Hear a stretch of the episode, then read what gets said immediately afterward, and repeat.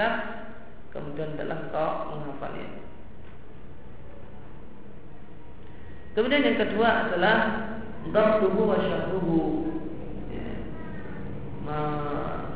Menghaokatinya, membacanya dengan benar Kemudian uh, uh, Mencari penjelasannya Dengan belajar kepada seorang guru yang mutqin Yang menguasai kitab yang dipelajari Watahsiki al-fadhihi Watahsiku al-fadhihi Kemudian meneliti, mengkaji lafal-lafalnya wa makana zaidan aw naqisan dan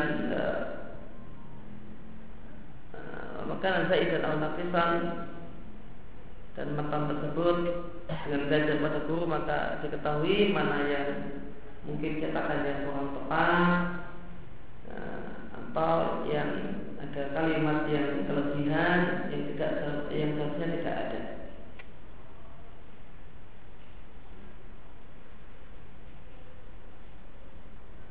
Maka boleh sampaikan jika seorang itu tidak belajar satu ilmu maka yang ideal adalah pertama menghafal mata ilmu satu mata dalam ilmu yang tidak dipelajari kemudian mata ini dipelajari bersama seorang guru yang menguasai kitab tersebut yang memang itu bidangnya. Dan karena matan ciri matan itu tiap kata itu ada maknanya. Ciri matan dan matan fikih itu per kata ada maksudnya. Kenapa diberi kata ini tidak kata itu eh, bahkan sampai au atau eh, atau itu ada maknanya. Au dalam dalam matan fikih atau walau talak walau itu dalam kitab mata fikir dan mak maknanya adalah menyebutkan khilaf. Ini ada pendapat yang lain. Walaupun demikian, artinya sebenarnya kalau demikian ini ada yang berpendapat semacam itu, namun tidak diosikan oleh penulis mata. Maka disampaikan uh, perlu dapat kata yang benar, kemudian ada tahqiqul alfaz karena kalau sifat matan terutama matan fikih per kata itu ada hampir per kata itu ada maksud dan maknanya. Nah, kemudian uh, poin berikutnya adalah tidak menyibukkan diri dengan kitab yang mutawala yang panjang lebar. Poin ini satu hal yang penting bagi penuntut ilmu. Uh, Labuda haruslah seorang penuntut ilmu menguasai kitab yang ringkas terlebih dahulu sampai ilmu tersebut kokoh dalam benaknya kemudian baru dia bertolak menuju al-mutawala kitab-kitab yang panjang lebar. Akan tapi sebagian penuntut ilmu terlalu jauh bersikap yang jauh dia mentelaah buku-buku yang panjang lebar. Kemudian jika dia telah duduk di satu majelis sehingga dia bisa dengan bangga mengatakan penulis kitab murni bilang demikian yaitu Ibnu Qudamah penulis kitab Majmu' yaitu Nawawi mengatakan demikian, penulis kitab Al-Insaf, penulis kitab Al-Hawi mengatakan demikian. Untuk menampakkan kalau dia adalah seorang yang memiliki telaah yang luas. Jadi adalah satu hal yang kami katakan ini satu hal yang biru untuk menuntut ilmu awal. Ya, pemula penuntut ilmu dan bangga dengan mengatakan bisa mengatakan ibu Qudamah mengatakan demikian Nawawi dan Majid mengatakan demikian di satu hal yang jauh. Kami katakan mulailah dengan buku-buku yang ringkas yang tidak menyebutkan khilaf sehingga ilmu itu kokoh dalam benakmu kemudian jika Allah memberikan nikmat padamu anugerah padamu telah di, yaitu diberi kepahaman tentang kitab yang ringkas-ringkas tadi barulah engkau sibukkan dirimu dengan buku yang panjang lebar. Dan orang yang menuntut ilmu itu bisa kita gambarkan, kita analogkan dengan perkara yang real, yaitu nah, bisa kita analogkan dengan orang belajar renang.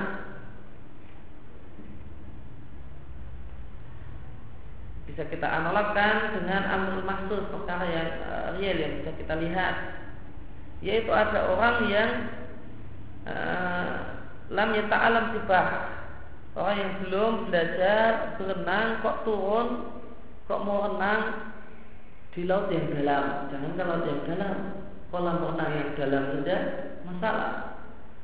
Pak oleh seperti maka orang tersebut tentu tidak akan mampu untuk bisa menyelamatkan diri lebih-lebih lagi tentu tidak mampu untuk berenang dengan baik. Maka boleh katakan orang yang belajar ilmu syar'i, terutama ilmu fikih dan ilmu-ilmu yang lain itu seperti orang belajar renang. Pertama orang belajar renang itu di kolam renang yang nah, yang dangkal, kolam renangnya anak-anak. Nah, kalau langsung di yang yang dalam seandainya seandainya dia gayanya gaya batu nanti kelelep nah, tenggelam bahaya. Maka yang pertama adalah yang dangkal.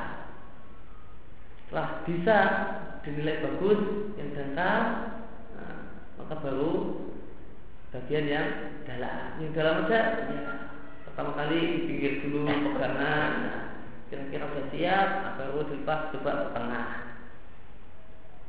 Maka demikian juga orang yang belajar ilmu syar'i.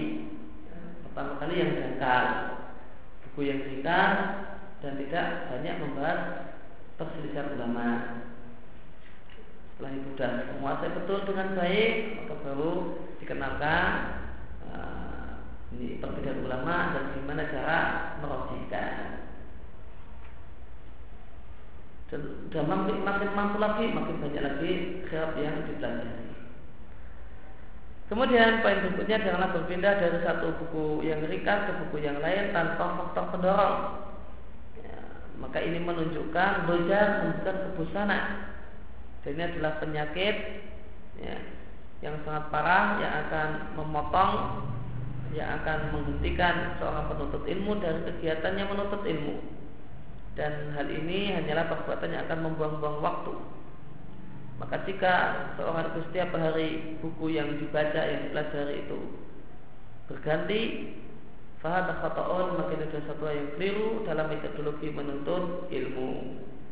Yang benar, jika engkau telah menetapkan satu buku ya, dalam bidang ilmu tertentu yang tidak engkau pelajari, maka terus pelajari buku tersebut sampai selesai. Ya, jangan kau mengatakan aku akan baca kitab ini atau satu pasal saja dari kitab ini, kemudian aku akan pindah di buku yang lain. Maka semacam ini, belajar semacam ini itu membuang-buang waktu.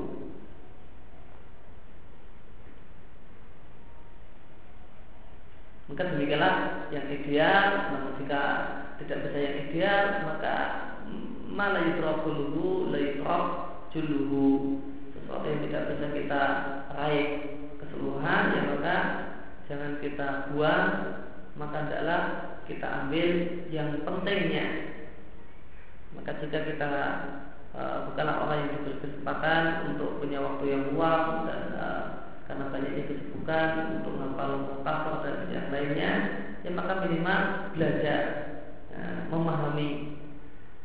Uh, memahami maka belajar yang benar kita memahami dari buku yang ringkas-ringkas kita belajar buku yang ringkas kita memahami isi kandungannya ini minimal idealnya terus bisa dihafal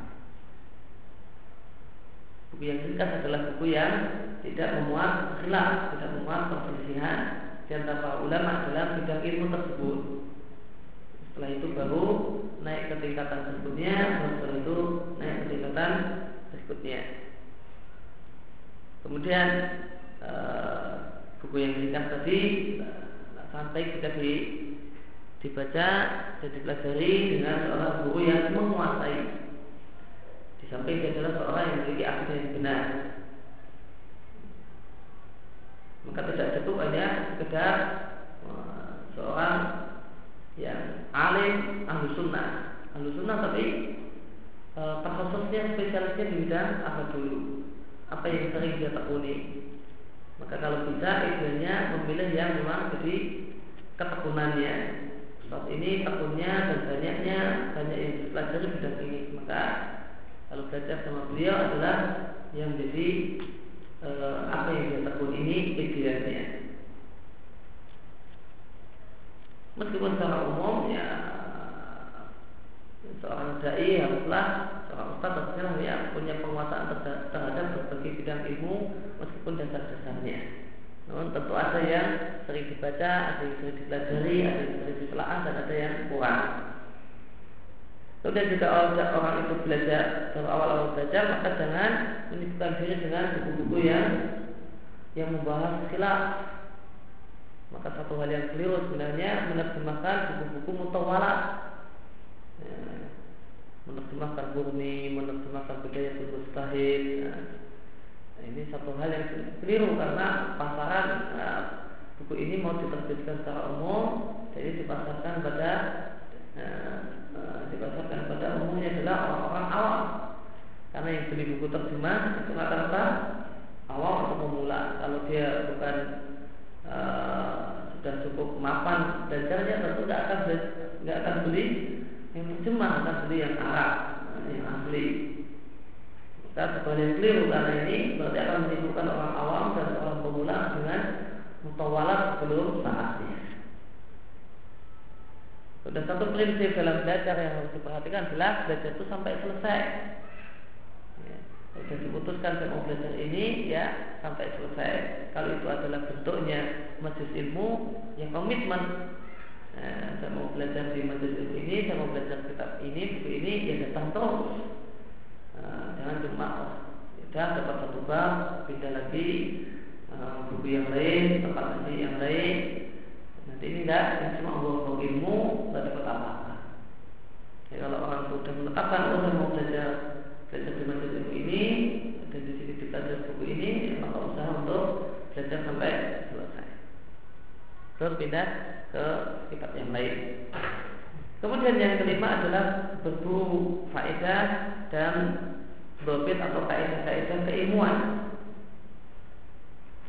Maka ada beberapa faedah yaitu eh, hal-hal yang menarik yang hampir tidaklah terlintas pada benar atau jarang disebutkan atau jarang ta'aruf disinggung. Atau faedah yang menarik tersebut adalah satu hal yang adalah masalah baru yang butuh penjelasan hukum.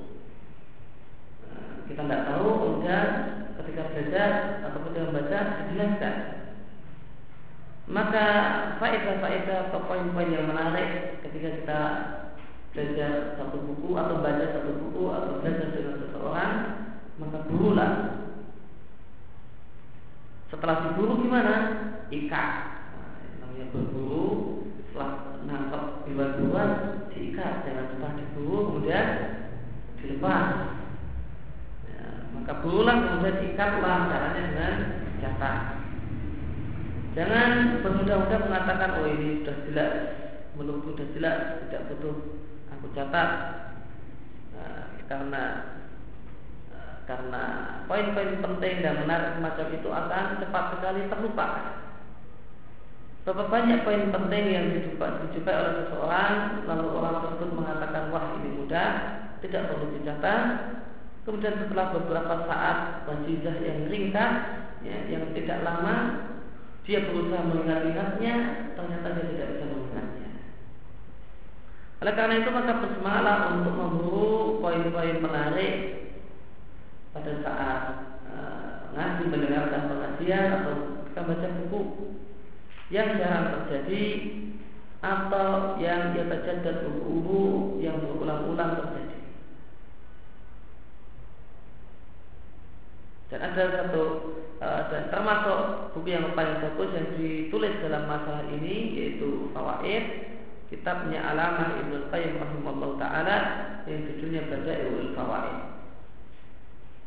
Faedah-faedah yang badai, badai jamak dari badi artinya indah. Bila kumpulkan dalam buku ini poin-poin yang indah dari berbagai bidang ilmu yang hampir-hampir tidaklah terjumpai dalam buku yang lain.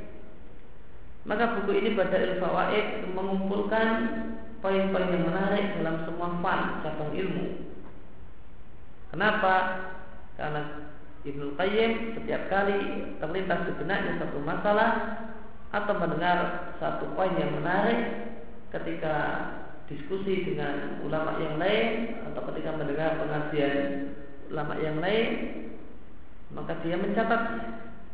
Maka kita jumpai dalam buku ini ada poin menarik dalam bidang akidah, fikih, hadis, tafsir, nahu, balaghah dan yang lainnya.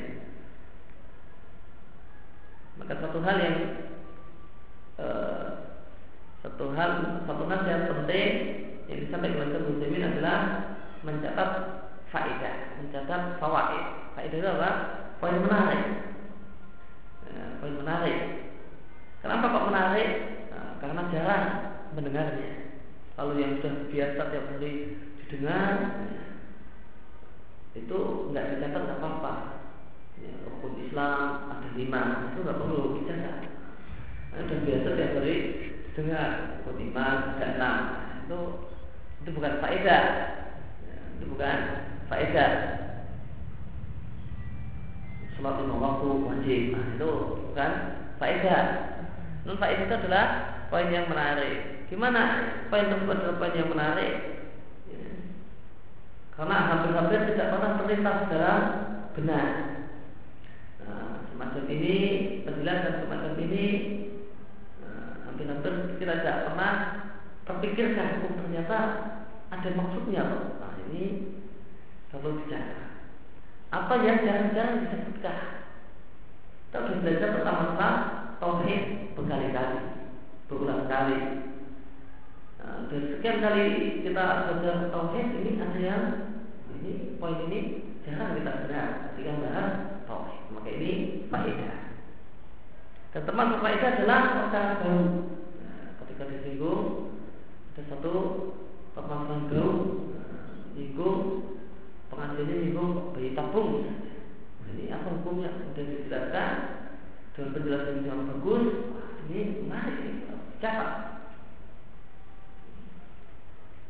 Dan di antara kebiasaan para ulama adalah uh, punya buku khusus mencatat fawaid.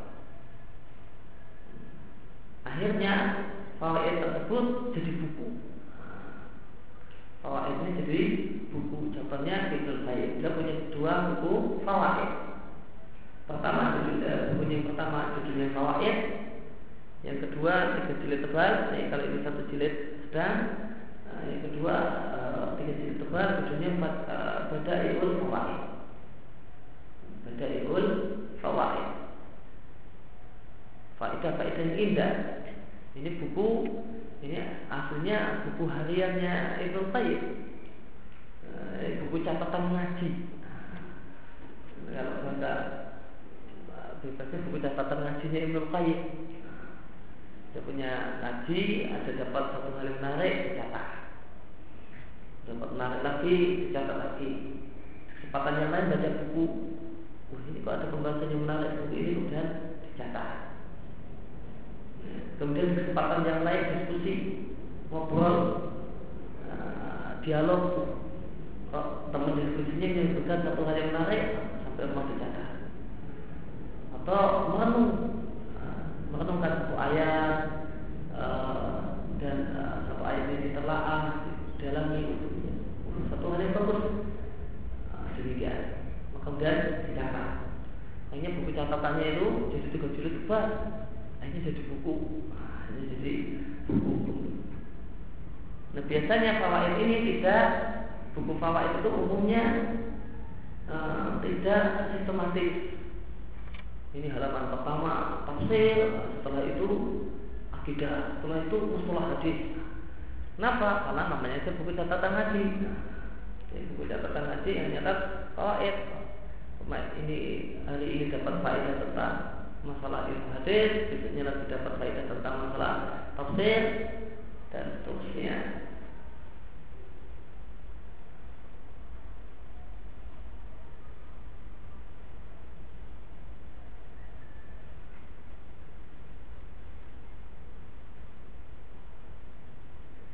Kemudian yang berikutnya berikutnya adalah semangat untuk perhatian dengan kaidah. Itu masuk. Yang patut dicatat di samping fawaid ilmiah secara umum jika kok ngaji kok dapat kaidah. Dicatat. Atau baca buku kok di situ tulisan nyinggung kaidah. Catat. Jadi ingat-ingat dan di antara dua dan di antara kaidah ilmiah yang patut dicatat adalah eh, apa yang disebutkan oleh para ulama ketika menyebutkan ilah satu hukum Saya sampaikan semua e, pembahasan e, penyebutan ilah untuk hukum-hukum fikih bila adalah mudawid. Nah ini faedah dari ini terkatakan taklilul ahkam itu minal menambuwabid wal qawaid. Taklilul ahkam ketika hukum ini disebutkan apa ilahnya, apa faktor penyebab kemudian ditetapkan hukum ini, maka kita sudah termasuk faedah yang patut diperhatikan dan diingat-ingat. Karena dengan ilah tersebut maka dibangunlah hukum. Maka hal semacam ini maka kaidah-kaidah ilah semacam ini maka hafalkanlah. Dan aku mendengar bahwasanya ada orang yang meneliti uh, berbagai kaidah yang ada dalam kitab fikih mazhab Hambali yang judulnya Rod Murfi. Wa yuhariruha setelah itu dia uh, dia tulis dia tata secara sistematis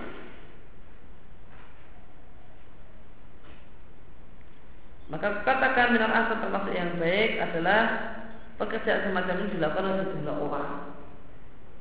Yaitu sejumlah orang ini kemudian meneliti dan membaca meneliti kitab Arab Murbi dari awal sampai akhir. Setiap kali penulis kitab Arab Murbi menyebutkan ilah satu hukum, itu koyak dicatat. Karena masing-masing e, karena masing-masing ilah ini dibangun di atasnya banyak e, masalah hukum. Karena ilmu itu memiliki kaidah dan dalam kaidah akan bawah di bawahnya kasus atau permasalahan yang banyak. Misalnya jika engkau ragu-ragu tentang sucinya air atau najisnya air, maka dalam masalah toharoh itu yubna ala yakin, bangun di atas yakin. Fahadir ilah, makanya contohnya adalah ilah untuk tabar hukman untuk tabar babitan yang kita nilai adalah sebuah hukum dan sekaligus sebuah kaidah.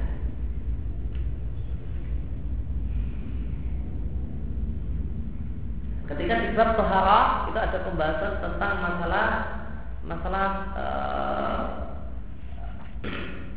masalah air, masalah air atau najisnya satu benda. Nah, para ulama fikih mengatakan bahwasanya dalam tohara eh, dalam masalah tohara kesucian dan najisnya satu benda itu dibawa di atas yakin. Ini kaidah. Kaidah dalam masalah tohara. Bahasanya ada eh, dan najisnya satu benda harus dibangun di atas yakin.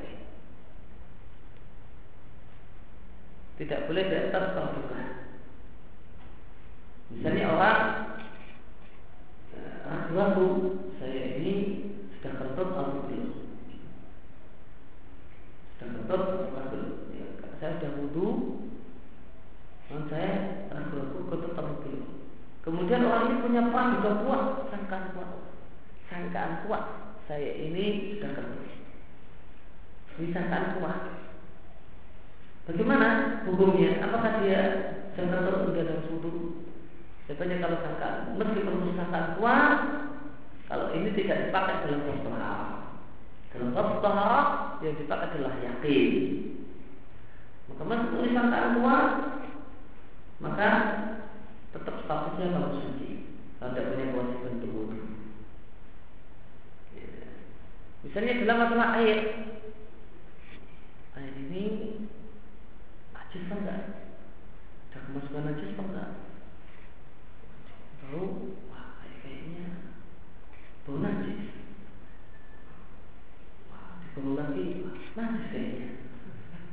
Kemudian akhirnya orang ini punya praduga kuat, air ini air najis. Bolehkah berwudu dengan air ini? Jadinya boleh.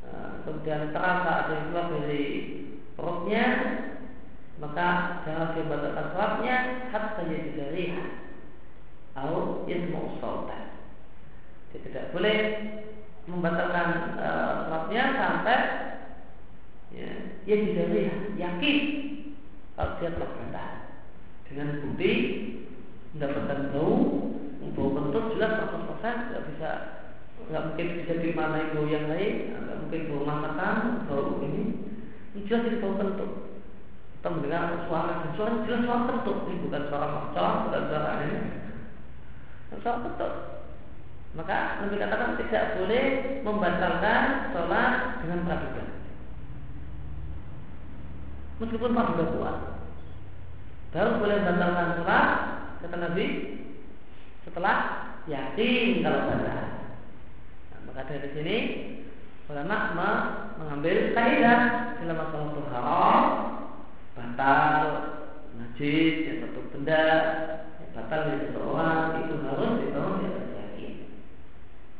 Tidak cukup dan tidak boleh beramal dengan yang kuat di sini.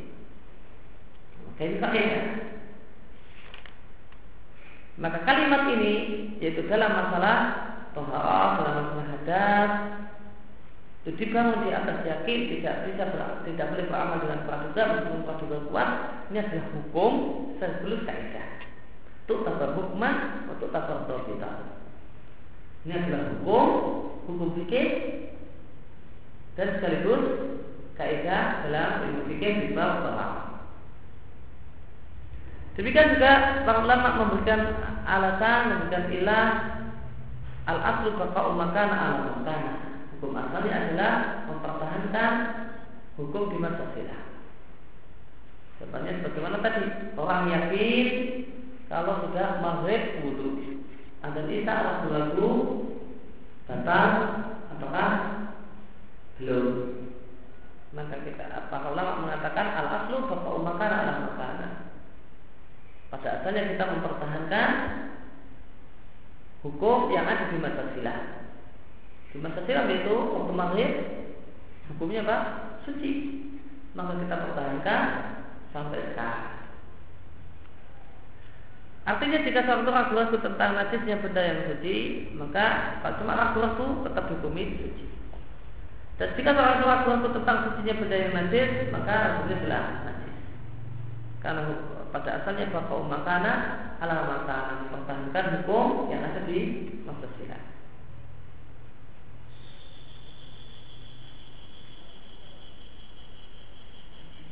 Faidah harap maka harif jika seorang penuntut ilmu punya semangat dan mencatat semua taklilat, semua ilah-ilah hukum yang marah alaihi yang dia jumpai, lalu dia menatanya, lalu dia me, ya, men, ya, waktu patoha menghafalkannya kemudian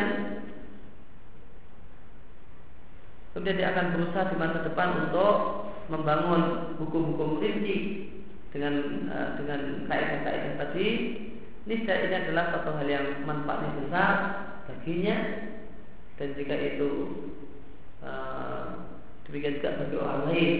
Ada orang lain yang mungkin bisa mengambil kaidah darinya dicetak jadi buku ada orang lain pun bisa dapatkan faedah yang besar dari hal ini.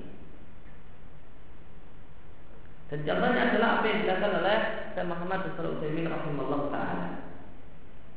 Syekh Utsaimin punya buku fawaid. Ya, Al-Muntaqa uh,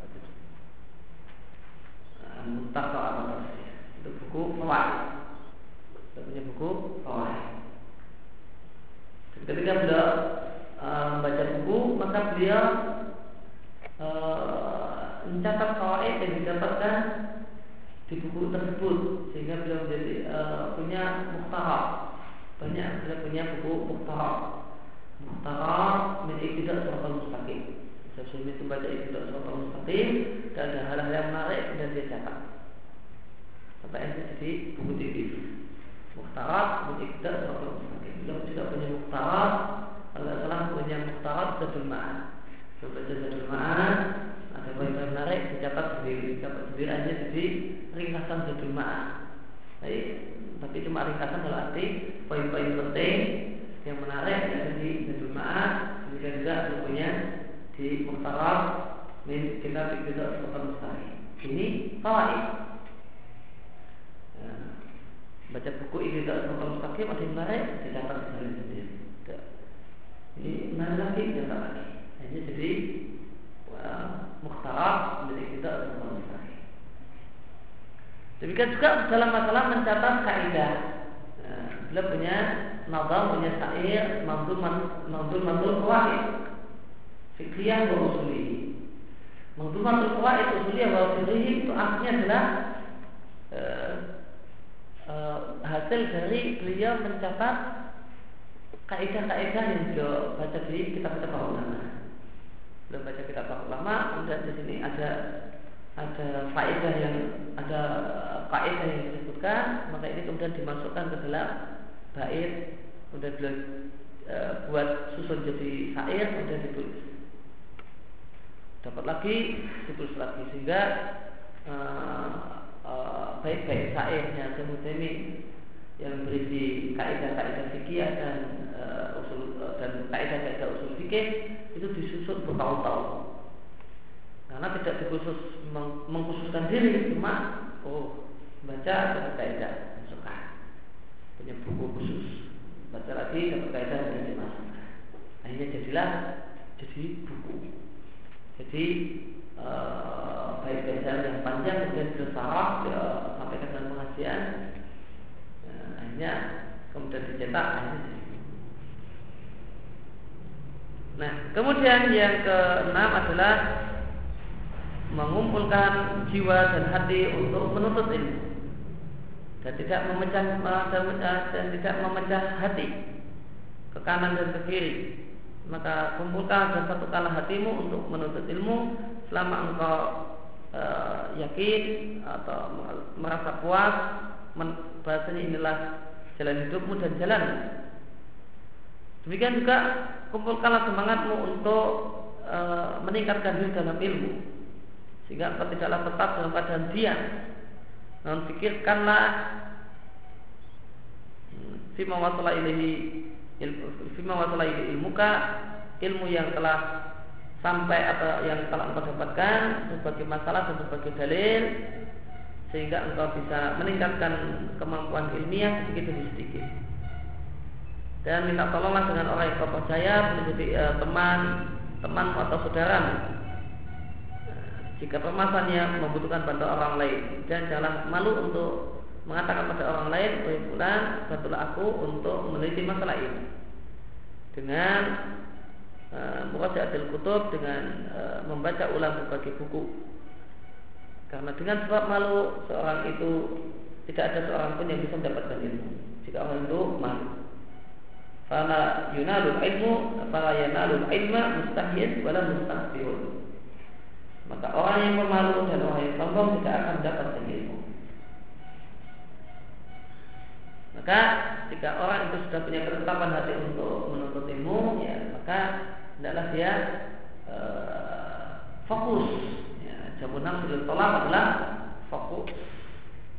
Bahasa lainnya adalah fokus-fokus dalam menuntut ilmu. Artinya dalam bahasa lain serius Jangan cuma jadikan sambilan. Jangan cuma jadikan sambilan, ya. namun ya diluangkan. Jangan cuma jadilah jadi sambilan ya kalau ada waktu luang. Ya tak ada waktu luang terus. Nah, terus namun ya, kalau ada orang punya niat untuk belajar, maka hendaklah meluangkan waktu. Jangan mencari waktu luang. Mencari waktu luang, nggak luang-luang. Sibuk ini ada ini, ada ada itu, itu dan seterusnya. Namun luangkanlah waktu. Jika seorang itu memang terus belajar, maka di dia fokus untuk belajar, maka fokus untuk meningkatkan kemampuan ilmiah. yaitu dengan memikirkan, dengan menghafal dan mentelaah e, mentelaah dalil dan berbagai masalah hukum yang pernah dia dapatkan sehingga meningkatlah kemampuan ilmiah seseorang sedikit demi sedikit.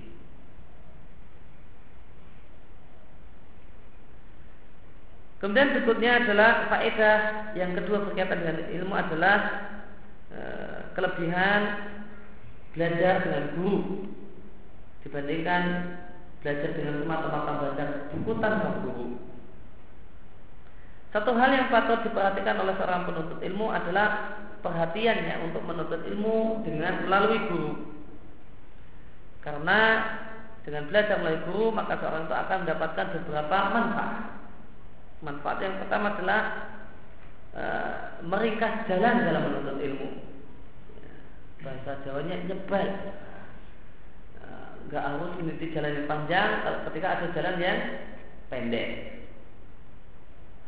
Maka daripada dia pergi dalam artian kemudian bolak-balik lembar-lembaran buku, kemudian melihat, eh, kemudian meneliti manakah yang eh, pendapat yang rojek dan apa sebab kok ini adalah pendapat yang rojek dan apa pendapat yang lemah dan apa sebab kok lemah, maka daripada melakukan itu semua, penelitian itu semua, maka guru itu telah mengulurkan padamu ya, bantuan. Dengan cara yang mudah dia akan memaparkan pada seorang penuntut ilmu tersebut khilaf para ulama dalam berbagai masalah. Boleh jadi ada dua pendapat atau tiga pendapat. Kemudian dia jelaskan mana yang lebih kuat dan dalilnya. Kenapa ini yang lebih kuat? Dan tidak dilakukan menjadi satu hal yang sangat bermanfaat bagi penuntut ilmu. Beda dengan orang yang belajar dengan semata-mata buku. Maka ketika mendapatkan khilaf, maka dia akan berpikir mana pendapat yang lebih rajin, dia akan menimbang-nimbang sendiri. Ini harus saya harus baca buku apa lagi untuk bisa mengetahui mana yang lebih rajin. Ternyata buku ini cuma menyebutkan khilaf tanpa menyebutkan mana yang lebih rajin. Harus baca yang lain, buku yang lain untuk ketemu pendapat yang lebih kuat.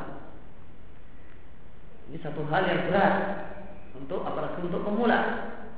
Maka satu hal yang sangat mudah ketika dia belajar dengan guru, maka guru akan menyampaikan nah, di sini ada khilaf, ada, sekian pendapat dan pendapat yang paling kuat adalah ini karena dalilnya demikian. Dalil aslinya demikian, dalil naklinya demikian. Kemudian yang kedua adalah soal fil idrak, tepat dalam pemahaman.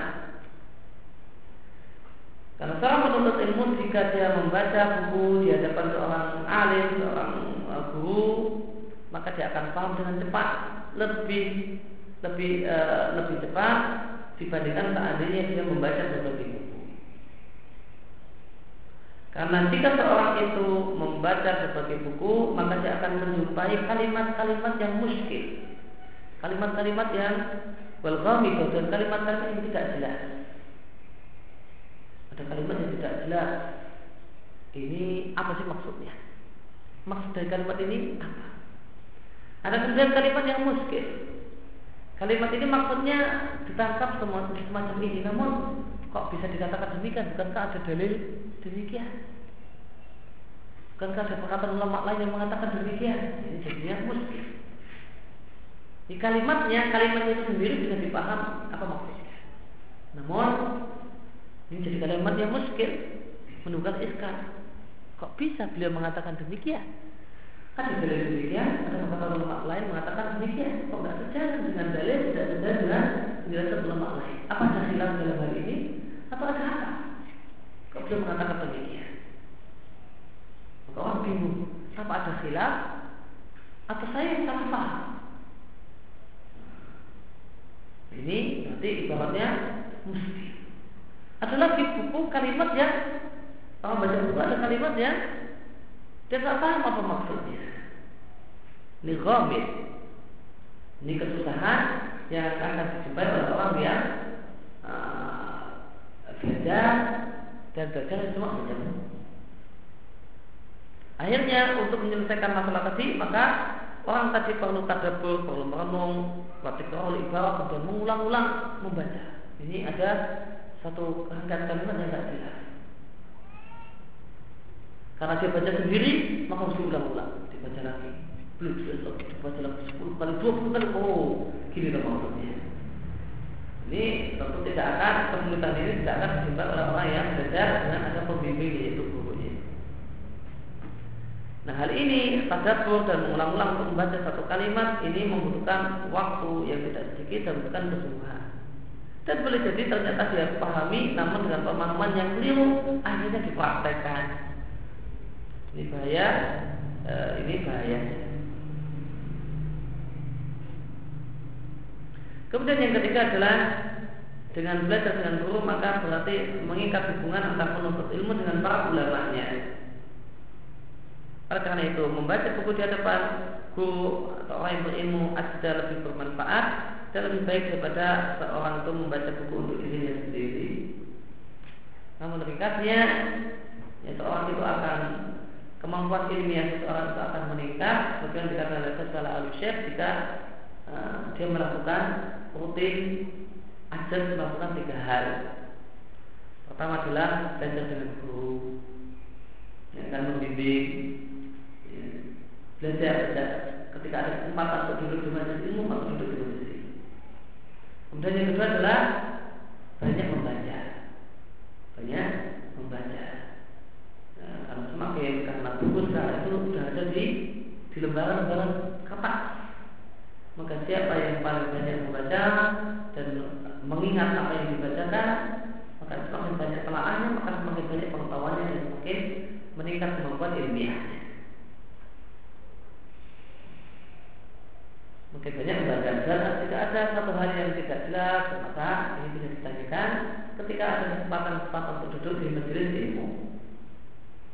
Dan yang ketiga adalah melakukan penelitian melakukan penelitian.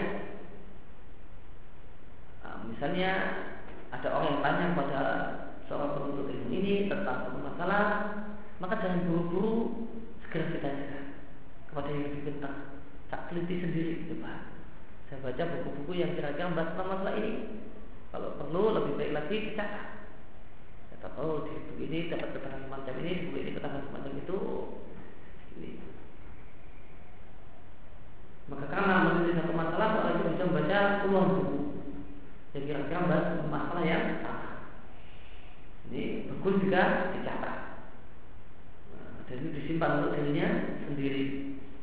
Kecuali jika mungkin bisa ditata ditata ulang, kemudian disodorkan kepada uh, orang yang dipercaya ilmunya untuk koreksi uh, layak untuk disebarkan bisa disebarkan. Maka jika seorang penuntut ilmu itu aktif dan rutin kontinu melakukan tiga hal tadi, maka ini akan menyebabkan uh, akan, uh, akan semakin meningkatkan kemampuan ilmiah seseorang. Semakin sungguh-sungguh melakukan tiga hal tadi, maka semakin cepat dia meningkatkan kemampuan ilmiahnya. Kemudian faedah berikutnya, poin menarik sini tentang masalah ilmu adalah tentang masalah uh, bertanya jika ada kebutuhan untuk bertanya, maka satu hal yang sangat baik penuntut ilmu untuk bertanya. Dan jika seorang sudah adalah seorang penuntut ilmu dan sudah punya dasar-dasar menuntut ilmu, maka disarankan untuk jangan cepat-cepat bertanya. Ketika dia dapat satu masalah, dia sudah punya kemampuan untuk meneliti sendiri, maka kemampuan untuk meneliti sendiri itu ditingkatkan. Ada orang yang tanya sama dia, maka baca buku dulu. Bisa baca buku ini kira-kira buku yang bahas apa? Oh ini masalah fikih. Oh, tak baca di sini. Oh ini kayaknya masalah akidah. Minta baca ada di buku ini. Mana daftar isinya? Oh ada eh, yang bisa dilacak dari sini atau enggak? Uh, mungkin di uh, diteliti dulu. Oh setelah itu ketemu. Ya sudah, nggak perlu tanya kepada yang lebih. Tapi ya, kok ternyata diteliti kok malah nggak ketemu-temu atau malah bingung, nah, baru ditanyakan kepada yang lebih berilmu. Ini saran untuk orang yang sudah jadi penuntut ilmu dan sudah punya kemampuan untuk meneliti sendiri, sedikit-sedikit bisa meneliti sendiri, baca sendiri, maka ini adalah kemauannya ditingkatkan dengan jangan cepat-cepat menanyakan kepada yang lebih berilmu sebelum e, meneliti sendiri padahal bisa meneliti sendiri. Namun untuk orang awam atau orang yang belum punya kemampuan untuk baca sendiri, ya, maka tidak dapat masalah. Dia bertanya kepada orang yang lebih berilmu. Adapun jika tidak ada kebutuhan untuk bertanya, maka janganlah bertanya. Karena dia tidaklah patutnya bagi seorang untuk bertanya kecuali jika dia membutuhkan atau dia punya praduga kuat bahasanya orang lain membutuhkan untuk ditanyakan. Maka misalnya bidar di sebuah pengajian ada eh, seorang penuntut ilmu ini paham isi pengajian. Akan tapi materi pengajian tersebut terdapat beberapa masalah sulit yang butuh dijelaskan untuk pendengar atau audiens yang lain. Maka orang yang paham ini bertanya kepada gurunya, kepada sang guru demi kebutuhan orang lain, karena dia tahu teman sebelahnya itu tidak paham. Maka dia tanya pada gurunya, padahal dia paham, supaya temannya jadi paham karena ditanyakan dengan guru, supaya dijelaskan lebih jelas lagi. Dan orang yang bertanya untuk kebutuhan orang lain takutnya sebagaimana pengajar dan dapat pahala orang yang mengajar. Dalilnya karena Nabi Shallallahu Alaihi Wasallam ketika Jibril datang pada Nabi dan bertanya tentang iman, Islam dan ihsan serta kiamat, waktu kapan kiamat dan e, tanda-tanda kiamat, di ayat hadis Nabi mengatakan itu tadi adalah Jibril yang datang kepada kalian untuk mengajari ilmu agama kalian. Maka Jibril statusnya penanya, namun Nabi katakan dia adalah pengajar. Di ayat hadis Nabi katakan Jibril itu statusnya pengajar, padahal dia penanya.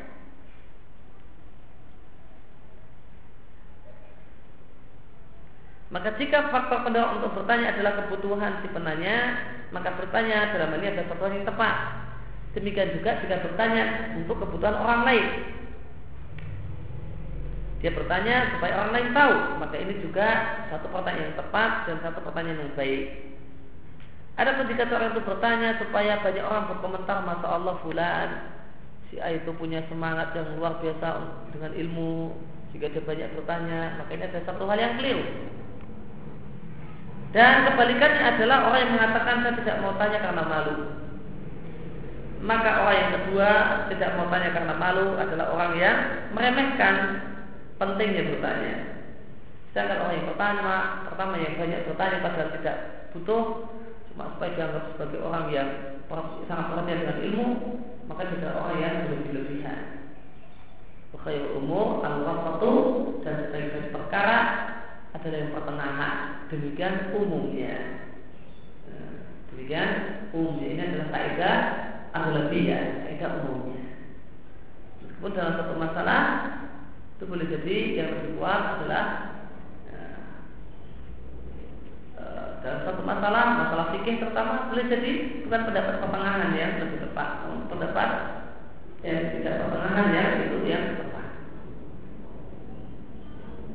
Demikian pula sepatutnya seorang penuntut ilmu memiliki kemampuan husnul istimah bisa menjadi pendengar yang baik mendengarkan jawaban guru dan memiliki pemahaman yang benar terhadap jawaban.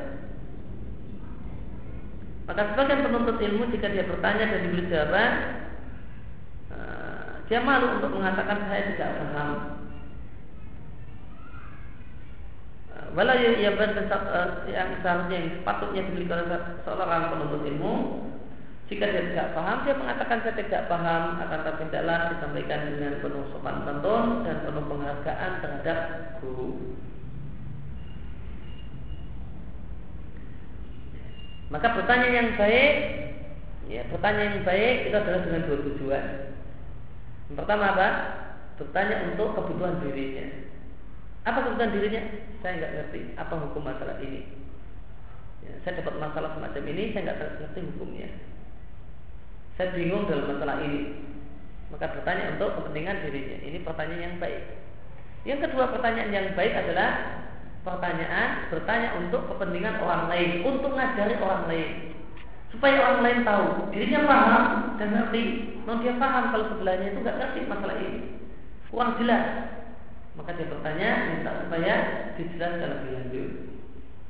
Maka bertanya ini dua uh, dua bentuk bertanya yang uh, yang baik yang diperintahkan.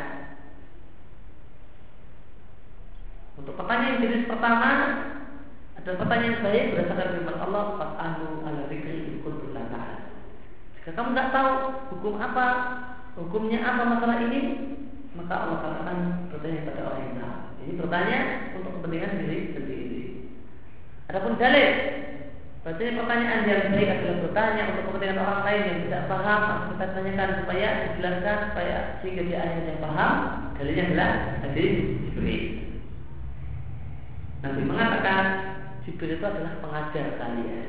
Padahal dia adalah penanya. Maka dari dalil Orang yang bertanya untuk kepentingan orang lain dapat pahala mengajar Orang yang untuk kepentingan orang lain mendapatkan pahala mengajar Pahala mengajar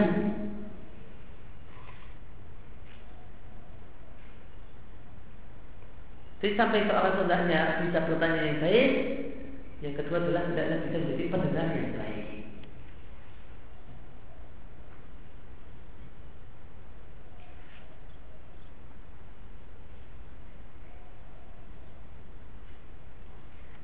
Sebelum kita lanjutkan tadi di faedah yang pertama sebelum di uh, sebelum faedah kedua tadi dikatakan fala yanalul ilma mustahyin wala mustaghfir. Ini adalah perkataan mujahid sebagaimana yang disebutkan oleh Bukhari dalam sahihnya secara muallak. Mujahid mengatakan la yahdul ilma mustahyin wala mustakbir. Ya, seorang ulama tabi'in namanya Mujahid, muridnya Ibnu Abbas mengatakan dua penghalang yang menyebabkan orang itu tidak mendapatkan ilmu. Pertama adalah malu. Malu bertanya, mau belajar. Sudah tua, masa duduk sama anak-anak muda, uh, seangkatan 2000 masa duduk sama angkatan 2008 nah, malu nggak akan dapat ilmu kalau soal itu malu yang kedua adalah sombong saya itu lebih pintar padahal lebih pintar dalam bidang yang lain dan sombong atau merasa pintar hanya nggak mau belajar. Maka dia tidak akan mendapatkan ilmu. Ini dua penyakit yang menghalangi seorang untuk mendapatkan ilmu. Malu dan sombong. Malu dalam masalah ilmu itu malu yang tidak terpuji. Namun malu yang tercela kemudian uh, faedah yang keempat adalah masalah hafalan. Hafalan kata hafalan itu ada dua macam. Pertama adalah ya, naluri hafalan yang memang pemberian Allah bawaan. Ya, hafalan bawaan. Itulah hafalan yang Allah Subhanahu wa taala berikan pada siapa saja yang Allah kehendaki. Maka engkau jumpai ada orang yang membaca satu masalah ya, atau membahas satu pembahasan yaitu satu artikel. Bahas itu dalam istilah ilmiah e, sekarang itu bisa artinya adalah makalah. Makalah tentang satu hal. Disebut bahas.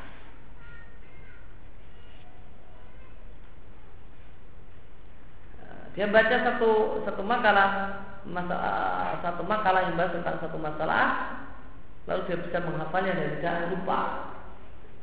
Ini hafalan bawaan.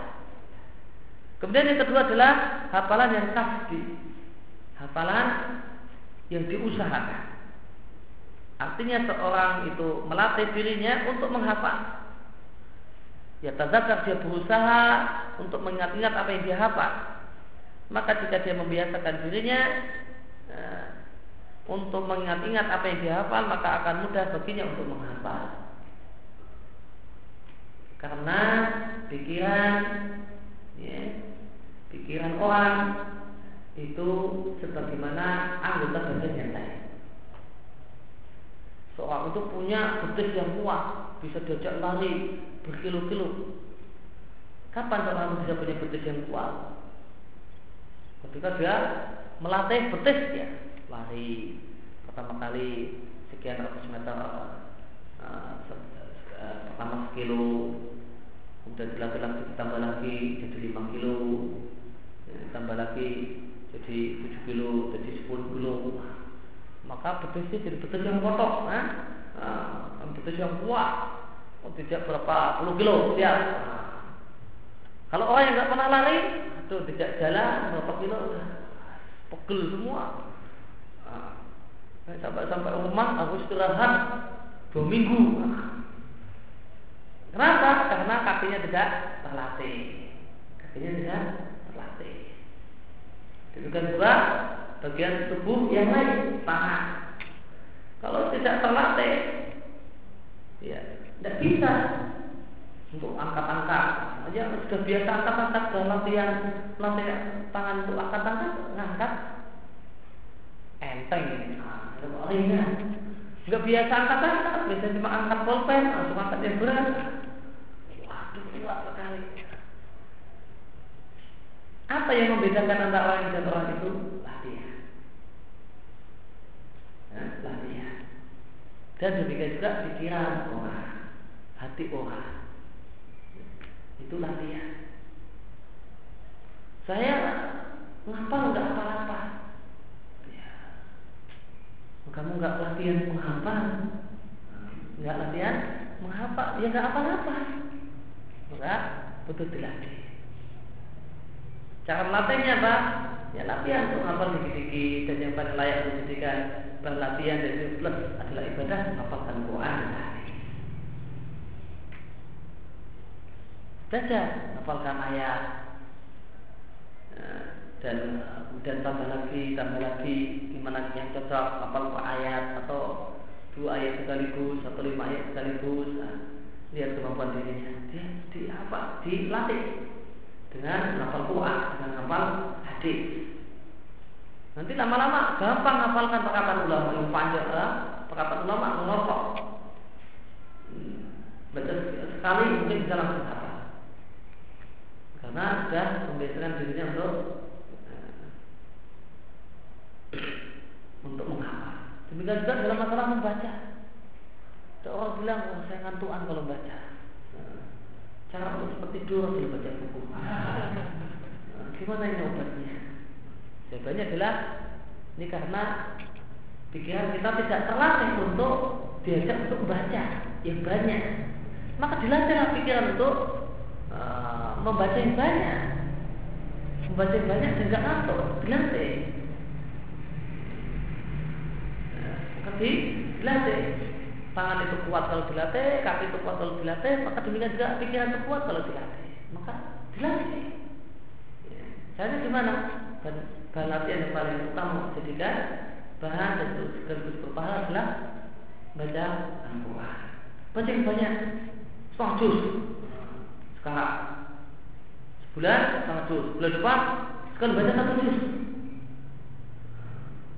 Sekali baca satu juz maka setelah waktu terbiasa dan biasa baca satu juz sekali duduk baca satu juz terbiasa maka nanti baca yang lain juga biasa. Satu juz berarti berapa? Lembar. Sembilan lembar atau sepuluh lembar? Nah, sekali duduk sepuluh lembar. Besok sekali duduk sepuluh lembar buku yang lain akan gampang Nah, kenapa? Baru dua lembar sudah tidur karena baca Qurannya juga paling-paling cuma satu ain, nah, satu ruko. Ya sudah. Baca buku yang lain juga baru dapat satu ruko sudah langsung tidur. Maka latih, latihlah dengan membaca Al-Quran. Sekali duduk satu sekali duduk dua. Ini baca yang lain gampang.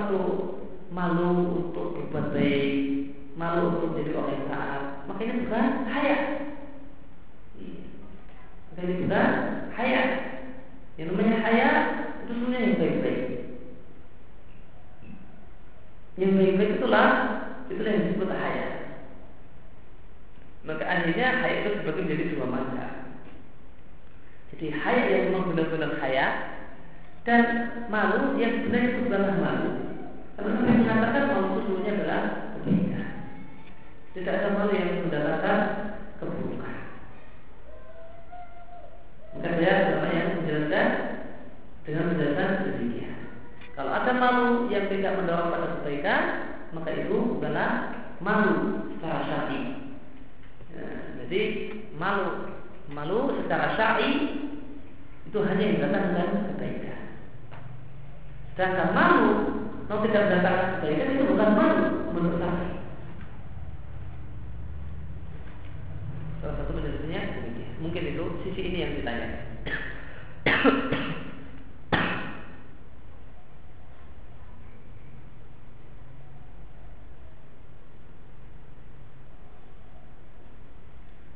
Sebaiknya seorang pelajar putri ya, dalam melaah dan meminta penjelasan pada sang guru yang mantap jika dia eh, tinggal di lingkungan masyarakat umum. Ya. Jika memang ada yang perlu diminta penjelasan lebih dalam, ya, dia bisa minta ketika pengajian, minta ketika di forum tanya jawab, minta supaya Ustaz yang jelaskan, tolong Ustaz jelaskan lebih rinci tentang masalah ini. Saya agak paham sisi ini, ini, ini jika Ustaz yang punya ilmu tentang masalah tersebut dan memberikan penjelasan lebih detail uh, dan menguasai masalah tersebut, ya Allah akan dijelaskan dengan uh, detail seperti diinginkan. Apa definisi fatwa? Nah, terdapat dua definisi fatwa. Uh, definisi yang pertama, fatwa itu adalah penjelasan tentang hukum syar'i. Baik ditanya ataupun tidak. Penjelasan yang kedua dari uh, definisi yang kedua dari yang lebih tepat yang namanya fatwa adalah jawaban penjelasan tentang hukum syar'i setelah ditanya. Bagaimana kedudukan fatwa dalam hukum wajib diamalkan atau tidak? Ya. Fatwa itu berbeda dengan kodok. Fatwa itu berbeda dengan kodok peradilan. Kalau peradilan itu mengikat, bersifat mengikat ini ada kasus eh, masalah pembagian waris sampai pengadilan hakim menetapkan demikian kamu dapat sekian kamu dapat sekian. Nggak boleh ngeyel nah, sama hakim nggak boleh ngeyel ngeyel dikasih hukum takdir. Ngeyel nggak mau taat ditangkap. Kalau sama kodok. Ya, ngeyel masuk penjara. Nah, itu kalau kodok bersifat menikah Kemudian yang kedua, sedangkan fatwa itu tidak bersifat mengikat. Artinya orang yang mendapatkan jawaban tentang hukum tidak punya kewajiban dan keterikatan untuk melaksanakan apa yang jawaban fatwa yang disampaikan oleh orang yang ditanya. Dia merasa oh, tapi tidak ada dalilnya atau dalilnya nggak puas. Ya, maka dia Kemudian kalau saya tak cari penjelasan yang lain. Boleh, tak dosa. Karena saya tidak mantap dengan jawabannya. Ya, kalau fatwa tidak sempat mengikat kecuali dalilnya, kecuali keterikatan dengan dalil.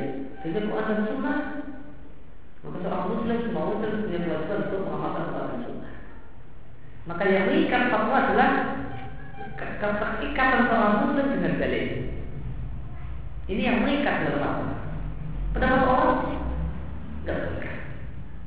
Kalau dia menyampaikan fatwa dengan dalil dan uh, sisi pendalilnya tepat, kuat, maka seorang muslim akan terikat untuk melaksanakan fatwa ini karena mengingat keterikatan dia dengan dalil dan kewajiban muslim untuk beramal dengan Quran dan Sunnah.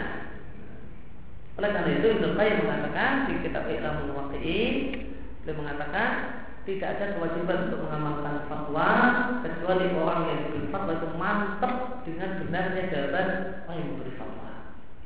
Selama orang itu masih meragukan dan kurang mantap dengan apa yang disampaikan oleh pemberi fatwa, maka tidak ada keterikatan keharusan untuk mengamalkan fatwa tersebut.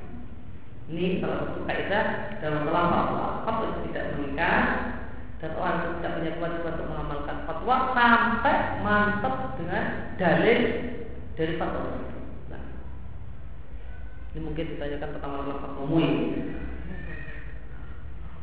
Jadi kaidahnya adalah ini. Bagaimana dikatakan oleh Ibnu Qayyim. Fatwa itu wajib dilaksanakan ketika seorang itu merasa mantap dengan dalil yang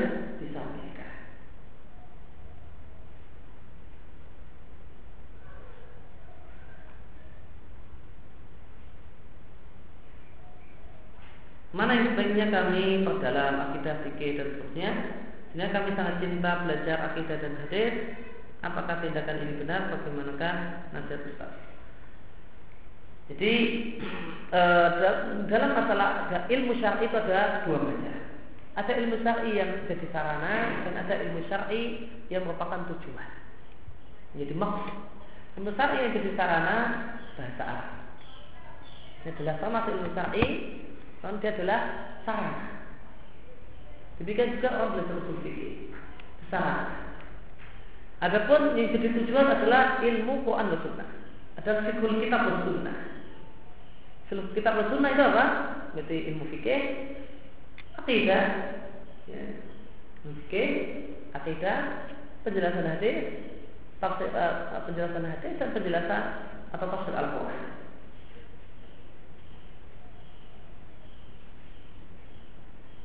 Dan seorang itu akan bisa menekuni sesuatu jika dia punya kecintaan yang mendalam tentang sesuatu. Maka jika memang e, memiliki kecenderungan untuk akidah dan hadis dalam e, maka ya hendaklah itu kecenderungan ini dimanfaatkan supaya dia bisa maksimal dalam ilmu tersebut. Meskipun dia seharusnya memiliki e, tidak meninggalkan hal-hal yang wajib untuk dirinya masalah fikih yang wajib yang harus dia kuasai minimal ya, yaitu dasar-dasar fikih dia punya. Ini ada orang mantap akidah dengan hadis. Itu ditekuni. Bagaimana dengan fikih ya? Punya fikih, namun cukup dasar-dasarnya yang dia perlukan, yang jadi wajib ain atas dirinya, dan yang waktu-waktu mungkin sekali dia membutuhkannya itu belajar. Maka dari orang memanfaatkan kecenderungannya supaya bisa maksimal dalam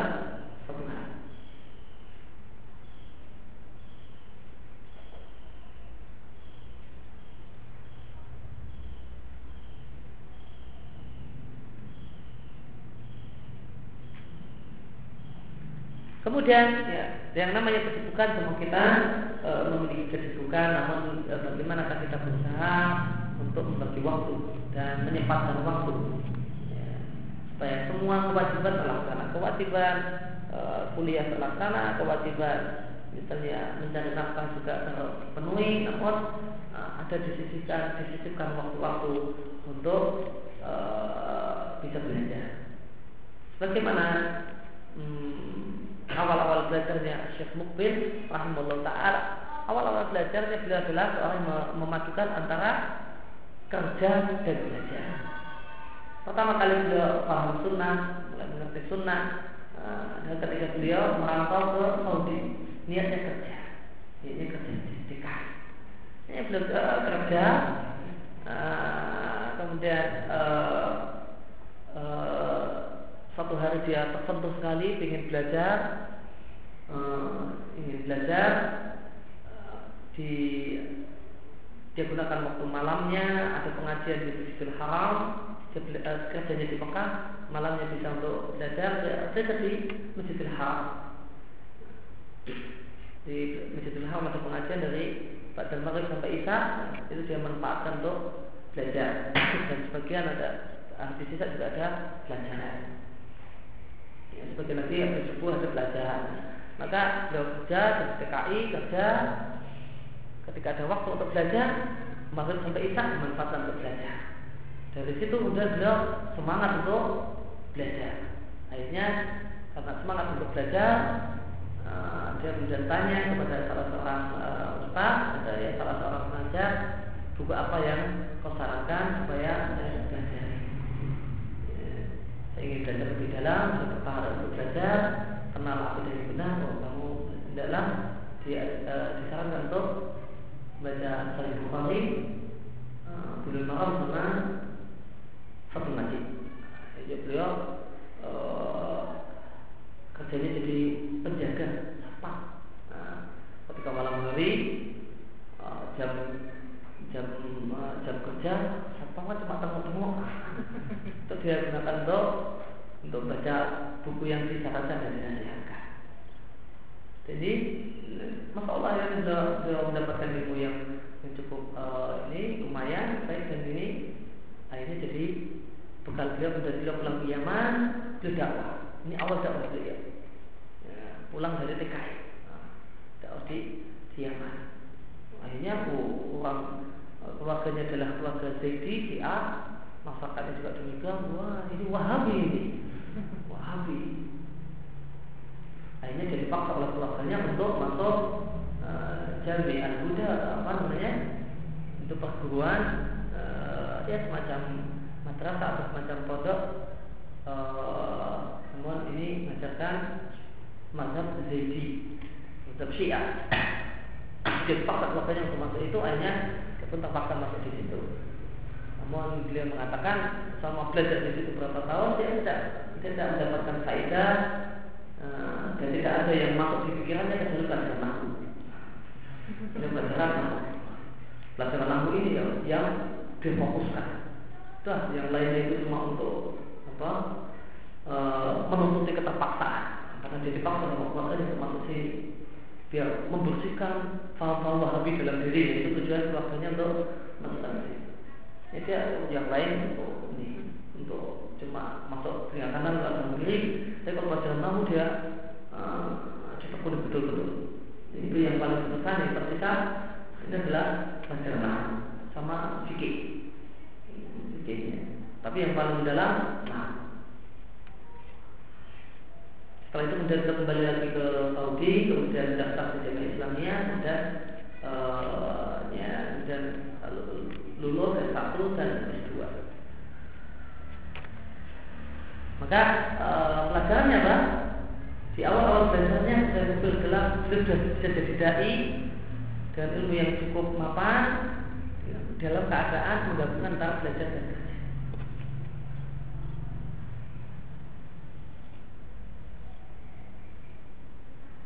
Apa fungsi tanda ruku ain, uh, ruku atau ain dalam Al-Quran itu tanda membagi dari para kurok dibagi menjadi hizab, usur dan seterusnya.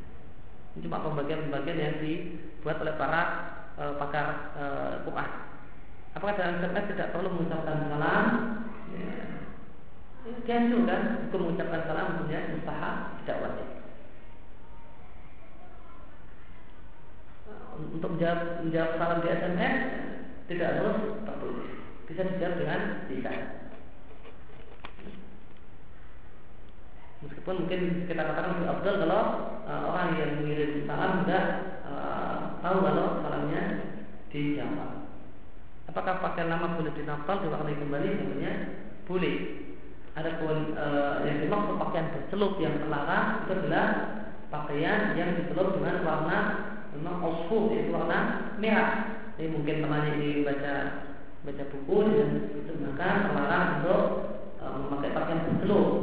Itu e, Nabi Shallallahu Alaihi Nabi untuk memakai muasfar. Yang dimaksud muasfar itu bukan dicelup dalam arti sinapol e, dengan sembarang warna, namun di diwarna dinapal di winter dengan uh, warna merah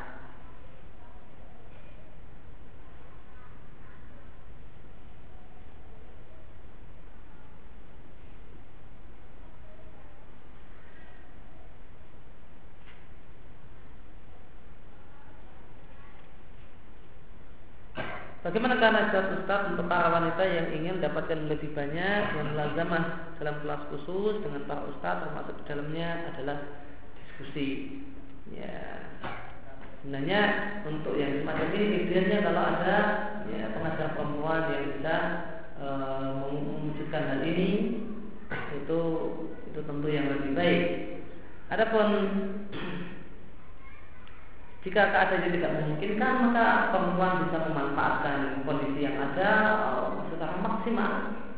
Uh, ada pengajian-pengajian yang bersifat mulazamah, artinya membaca satu buku dan itu dari awal sampai akhir. Tidak lagi dimanfaatkan baik-baik dan ada yang jelas dalam buku tersebut, uh, maka ini bisa ditanyakan. Ada hal-hal yang iskal, ada ini juga bisa ditanyakan di forum tanya jawab. Nah, samping itu Tadi kita sampaikan untuk orang meningkatkan kemampuan ilmiah bukan hanya belajar dengan buku.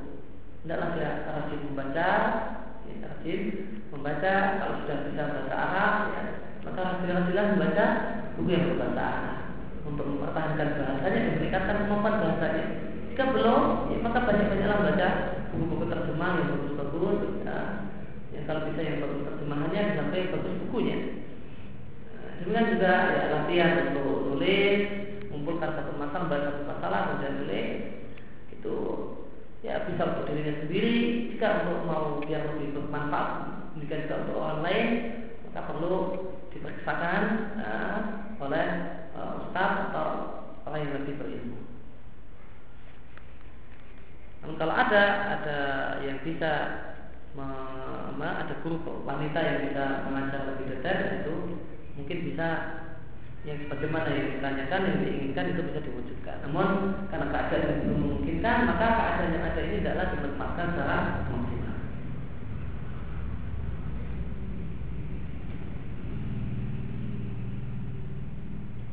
Benarkah hal-hal seperti ini dikatakan para ulama dapat mengurangi hafalan, makan makanan pedas, tidur pada asar, maka kalau makan makanan pedas ini ya, kembali kepada ilmu kedokteran apakah memang ada pengaruhnya uh, dengan uh, kemampuan otak. Kalau makanan pedas uh, otaknya keringetan jadinya sulit bernafas. Demikian untuk tidur pada asar, ya, terdapat hadis yang melarang tidur pada asar tapi hadisnya lemah. Nah, karena itu ringkasnya tidur pada asar itu hukumnya boleh bagi orang yang membutuhkannya. Jika orang itu tidak membutuhkannya, maka waktu asar adalah waktu berpikir, waktu berpikir adalah waktu pagi dan petang. Demikian juga Nabi memerintahkan untuk memanfaatkan waktu pagi dan waktu sore untuk melakukan berbagai amal kebajikan. Wassalamualaikum warahmatullahi wabarakatuh.